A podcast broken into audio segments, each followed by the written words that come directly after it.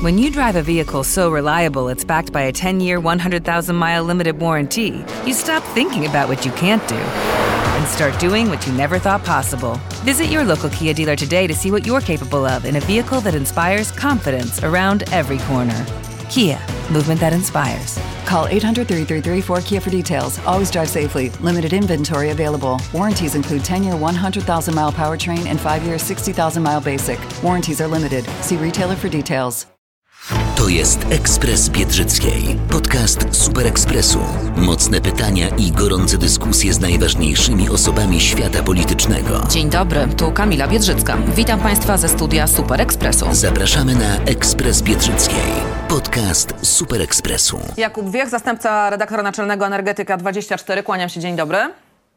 Dzień dobry Pani, dzień dobry Państwu. Panie Jakubie, jak pan, jeśli Pan pozwoli, na początek trach, takie trochę polityczne pytanie. Czy ten patetyzm, który słyszeliśmy w wystąpieniu Pana Prezydenta, takie napuszenie związane z otwarciem interkonektora, to jest e, rzeczywiście e, sytuacja adekwatna e, do, do, do, do tego przedsięwzięcia, czy, czy po prostu konieczność nadbudowania jakichś emocji i przekazu w sytuacji no, bardzo trudnej, w której się wszyscy znaleźliśmy, czyli konieczności odcięcia się od surowców energetycznych z Rosji? Jak Pan to ocenia?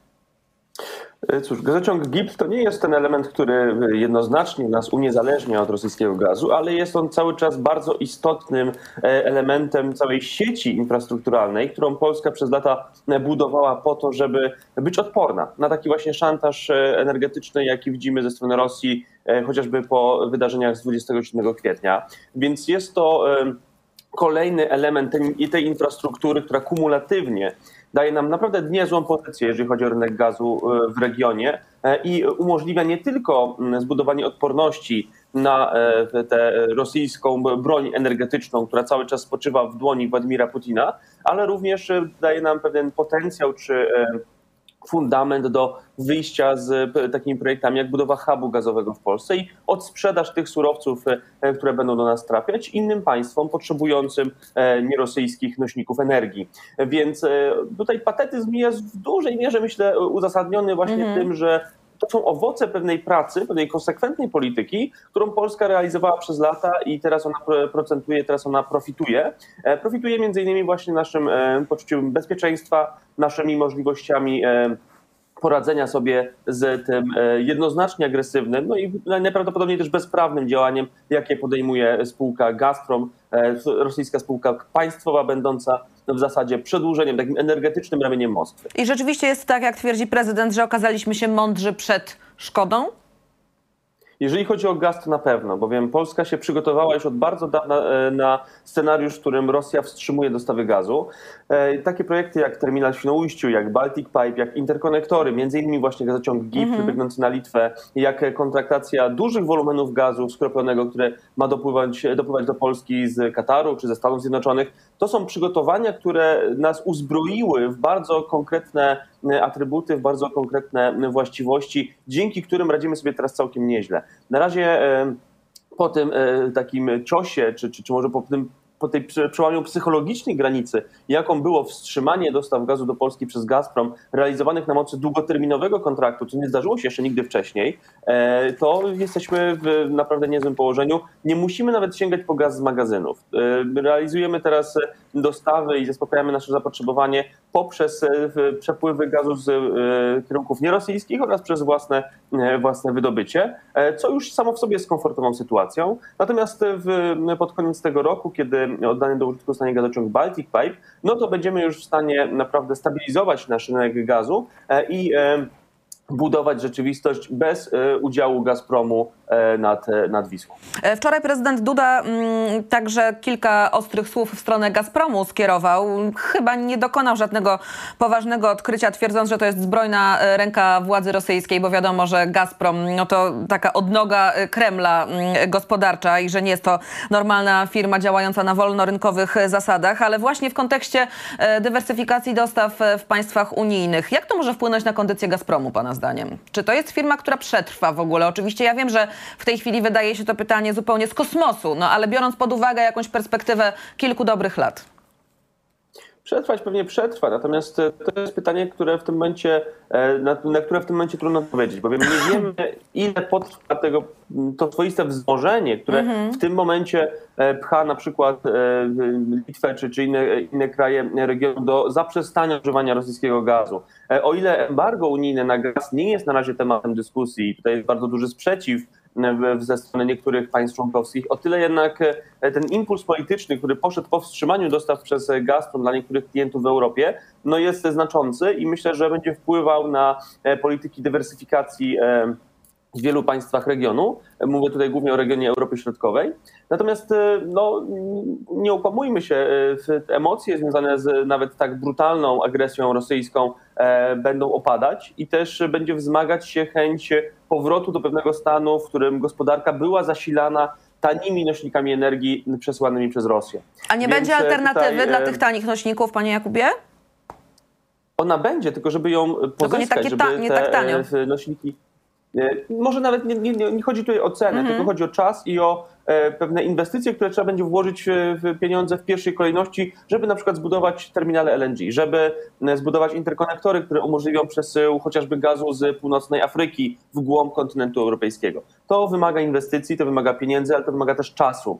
Pytanie, kto będzie tutaj miał prędzej dosyć tej wojny i tego sytuacji E, wzajemnego e, nakładania e, na siebie sankcji, czy to będzie Rosja, czy to będzie Ukraina, czy to będzie Zachód. Mhm. To tak bodajże powiedział takie pytanie postawił pan Adam Eberhard z Ośrodka Studiów Wschodnich i on ma tutaj 100% racji. Znaczy, obawiam się, że wytrzymałość konsumencka Europejczyków jest ograniczona i powoli zbliżamy się do jej kresu. Jeżeli tutaj dojdą jeszcze pewne zaburzenia gospodarcze w dłuższym terminie, na przykład kilku miesięcy, czy może kilkunastu miesięcy, to w wielu państwach Europy wzbudzi się bardzo e, istotny e, trend, czy, czy, czy takie dążenie do tego, żeby wrócić do handlu z, z Rosją na tym poziomie energetycznym. E, I ten moment, który teraz mamy przed sobą, to jest e, czas, gdzie takie kraje jak Polska powinny jak najdalej e, działać, jak najgłębiej proponować e, rozstrzygnięcia, żeby no, okroić Rosjan z wpływów na tym przyszłym rynku europejskim, tym, który się wyklaruje już po wojnie, czy, czy po tym pewnym takim pierwszym wzmożeniu związanym właśnie z, z wojną, wzmożeniu politycznym, wzmożeniu gospodarczym. Mhm. Więc to jest nasz czas, żeby po pierwsze pokazać, że mieliśmy rację, szykując się na dywersyfikację e, i na derusyfikację naszej energetyki, ale też, żeby dozbroić e, unijną politykę energetyczno-klimatyczną w te właśnie atrybuty, w te właściwości, czyli w derusyfikację, w dywersyfikację, bo dzięki temu będziemy w stanie komponować już na lata pewną strategię bezpieczeństwa e, europejskiego, która będzie ograniczać udział Gazpromu na, w rynku szybciej niż było to oryginalnie pomyślane przez Unię Europejską. Mhm. Wspomniał Pan o tym, że wytrzymałość konsumencka jest ograniczona, więc ja o tych konsumentach trochę i o wytrzymałości nas Polaków e, chciałabym mm, porozmawiać. E, na co my się Pana zdaniem musimy przygotować w perspektywie na razie powiedzmy do końca roku? Zarówno jeżeli chodzi o gaz, e, ceny gazu, jak i chodzi o ceny benzyny, bo wiadomo, że ropa też na tapet za chwilę wejdzie i Unia Europejska też tą sprawą będzie się zajmować. Na co my musimy być przygotowani w obecnym momencie, w obecnej sytuacji?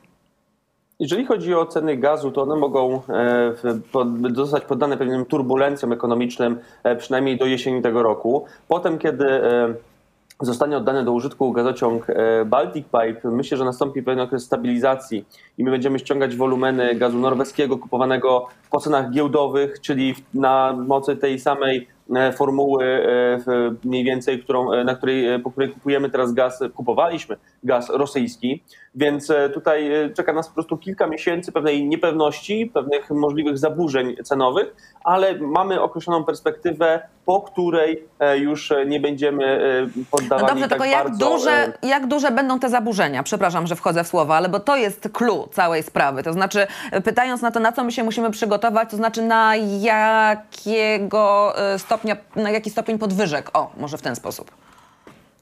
I na to pytanie niestety chyba nikt nie może pani redaktor odpowiedzieć, z tego względu, że widzimy i widzieliśmy 27 kwietnia, że Rosja jest już nieprzewidywalna. To znaczy, jeżeli Rosjanie dokonują czegoś takiego, jak wstrzymanie dostaw na podstawie kontraktów długoterminowych, to jest, podkreślę, coś, czego Rosjanie nigdy wcześniej nie robili. Kontrakty długoterminowe to był taki e, towar eksportowy Rosji i Gazpromu, reklamowany jako bezpieczna podstawa, która właśnie ma uchronić odbiorców przed zaburzeniami cenowymi. Cały 2021 rok to jest e, ogromna kampania marketingowa, podczas której Gazprom zachęcał państwa europejskie, żeby zawierały kontrakty długoterminowe, żeby wchodziły w długoletnie umowy z Rosją po to, żeby odpornić się, zabezpieczyć się właśnie przed tymi zaburzeniami cenowymi, przed e, fluktuacją cen e, gazu na e, giełdach, co było już widoczne właśnie w roku poprzednim, między innymi ze względu na kryzys energetyczny wywoływany także przez Rosję. Natomiast to, czy Rosja teraz na przykład nie uzna, że wstrzyma dostawy gazu do, do, do państw, które nie płacą w, w rublach, albo dokona czegoś innego, e, podobnego ruchu e, i ograniczy ten podaż na rynek europejski, e, dzięki czemu ceny surowca wystrzelą znowu w, w, kosmos, no to są ruchy, które, które mogą się wydarzyć. I widzieliśmy to, że 27 mm, kwietnia, że Rosjanie są na to gotowi, bez względu nawet na potencjalne prawne reperkusje, i no, widmo pociągnięcia Gazpromu do odpowiedzialności przed takimi instytucjami jak Trybunał Arbitrażowy w Sztokholmie. Rosjanie godzą się na to. Rosjanie biorą to ryzyko na siebie. Więc e, tutaj chyba już stoimy przed sytuacją, w której Rosja może iść nawet dalej, dokonać jeszcze głębszych ingerencji w kontrakty, w prawo międzynarodowe bez baczenia na potencjalne reperkusje prawne i no, manewrować podażą gazu, manewrować e, sytuacją rynkową na rynku gazowym w Europie, więc e, to jest e, w tym momencie gra nieprzewidywalna i tutaj trudno powiedzieć, jakich jeszcze zaburzeń możemy doświadczyć, natomiast mamy pod tym względem perspektywę, jest nią jesień tego roku, kiedy zostaje oddany do użytku gazociąg Baltic Pipe, a więc infrastruktura, która miała nas i tak uniezależnić od Rosji, bowiem myśmy w roku 2022 wraz z końcem tego roku mieli przestać e, kupować e, gaz od e, Gazpromu. Władimir Putin ten proces trochę przyspieszył, bo nie, nie, nie, nie, pobieramy gazu już od kwietnia. Natomiast ten najbliższe, powiedzmy, pół roku to jest czas, w którym, który no, będzie nerwowy, ale nie tak nerwowy, żeby raczej groziły nam jakieś zaburzenia podaży. Pewna fluktuacja może dotyczyć raczej tylko cen. No dobrze, to teraz e, kwestia już wspomnianej e, Unii Europejskiej. Jak w tej sytuacji e, Unia Europejska się Pana zdaniem zachowa? No bo mm, wiemy, że państwa zachodnie Unii mają zdecydowanie gorszą sytuację od nas, bo są w zdecydowanie mocniejszym stopniu uzależnione od rosyjskich surowców, no ale też mamy propozycję tego szóstego pakietu sankcji i oczywiście Wiktora Orbana, który mówi tym sankcjom nie i uznaje je za historyczny błąd. Czy Pana zdaniem zakończy się to jak zwykle w przypadku Węgier, czyli będą grać na siebie, grać na swoje, próbować ugrać coś politycznie i gospodarczo i ostatecznie tego weta nie będzie? Czy sytuacja jest już tak nabrzmiała, że rzeczywiście Orban te sankcje zablokuje?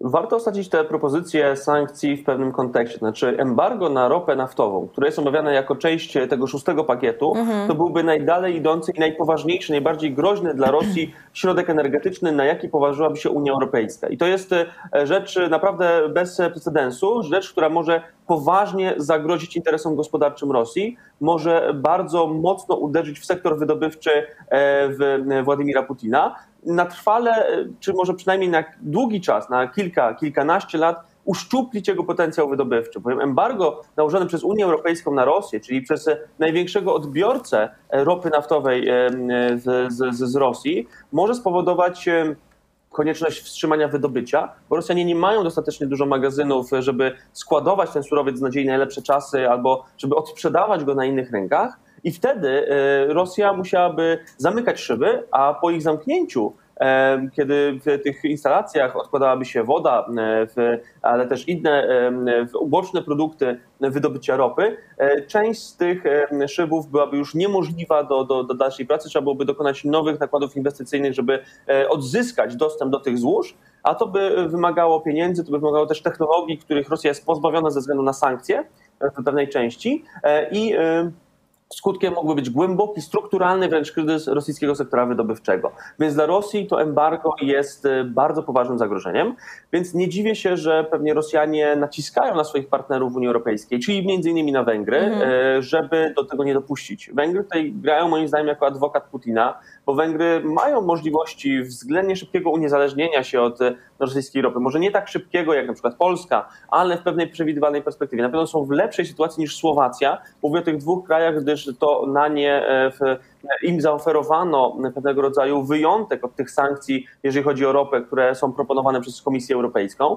Słowacja infrastrukturalnie po prostu nie ma, nie ma możliwości szybkiego e, przejścia na, na przerób ropy nierosyjskiej, ma bardzo głęboki stopień uzależnienia, ponad 90%, e, nie ma dostępu do innej infrastruktury. Węgry są w lepszym położeniu, e, chociażby ze względów geograficznych. Natomiast tutaj Viktor Orban raczej argumentując, że te sankcje byłyby ciosem w węgierską gospodarkę, argumentuje tak naprawdę za interesem Władimira Putina. I ta brak jednomyślności może być e, no, kluczowym problemem dla Unii Europejskiej. Pytanie, czy tutaj właśnie Orbanowi chodzi tylko, tak jak pani redaktor zasugerowała, jakiś tam swój wewnętrzny interes e, polityczny, który może zostać osiągnięty w negocjacjach z innymi państwami Unii Europejskiej, czy to już jest raczej gra e, w, w obronie interesu Rosji. Taka niestety opcja też jest na stole. I no, warto tutaj podkreślić, że, że to jest naprawdę sytuacja w której się w dużej mierze też e, ważą losy takiej pewnej jednolitości europejskiej i e, pewnego e, wzajemnego oddziaływania państw członkowskich na siebie. I już to samo zaoferowanie tego wyjątku dla Słowacji czy dla Węgier jest takim, takim rozsadnikiem tej no jedności, no może być wykorzystane przez chociażby rosyjską propagandę. Więc jeżeli pomimo tego nie uda się przepchnąć embarga na ropę, no to będzie to duża porażka Unii Europejskiej. Mhm. To teraz gaz omówiony, ropa omówiona, to teraz jeszcze dwa słowa o rosyjskim węglu, bo wiemy, że tutaj też e, pewne ruchy zostały poczynione, ale oczywiście wraca pytanie, skąd ten węgiel brać w sytuacji, w której znajdują się, oczywiście pytam o Polskę, w sytuacji, w której znajdują się polskie kopalnie.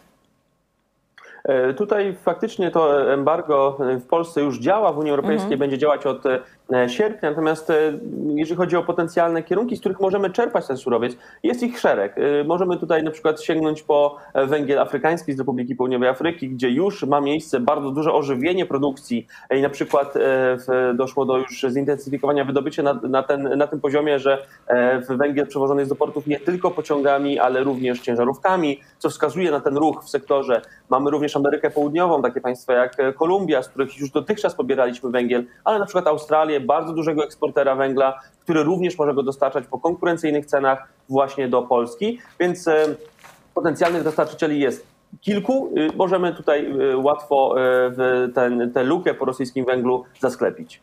Bardzo dziękuję za to spotkanie. Pan Jakub Wiech, zastępca redaktora naczelnego Energetyka24. Pozdrawiam pana bardzo ciepło. Do zobaczenia. Dziękuję serdecznie. Dobrego dnia.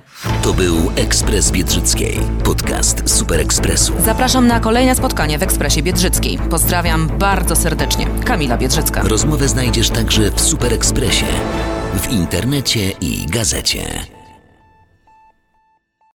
With lucky landslots, you can get lucky just about anywhere. Dearly beloved, we are gathered here today to. Has anyone seen the bride and groom? Sorry, sorry, we're here. We were getting lucky in the limo and we lost track of time. No, Lucky Land Casino, with cash prizes that add up quicker than a guest registry. In that case, I pronounce you lucky. Play for free at LuckyLandSlots.com. Daily bonuses are waiting. No purchase necessary. Void where prohibited by law. 18 plus. Terms and conditions apply. See website for details.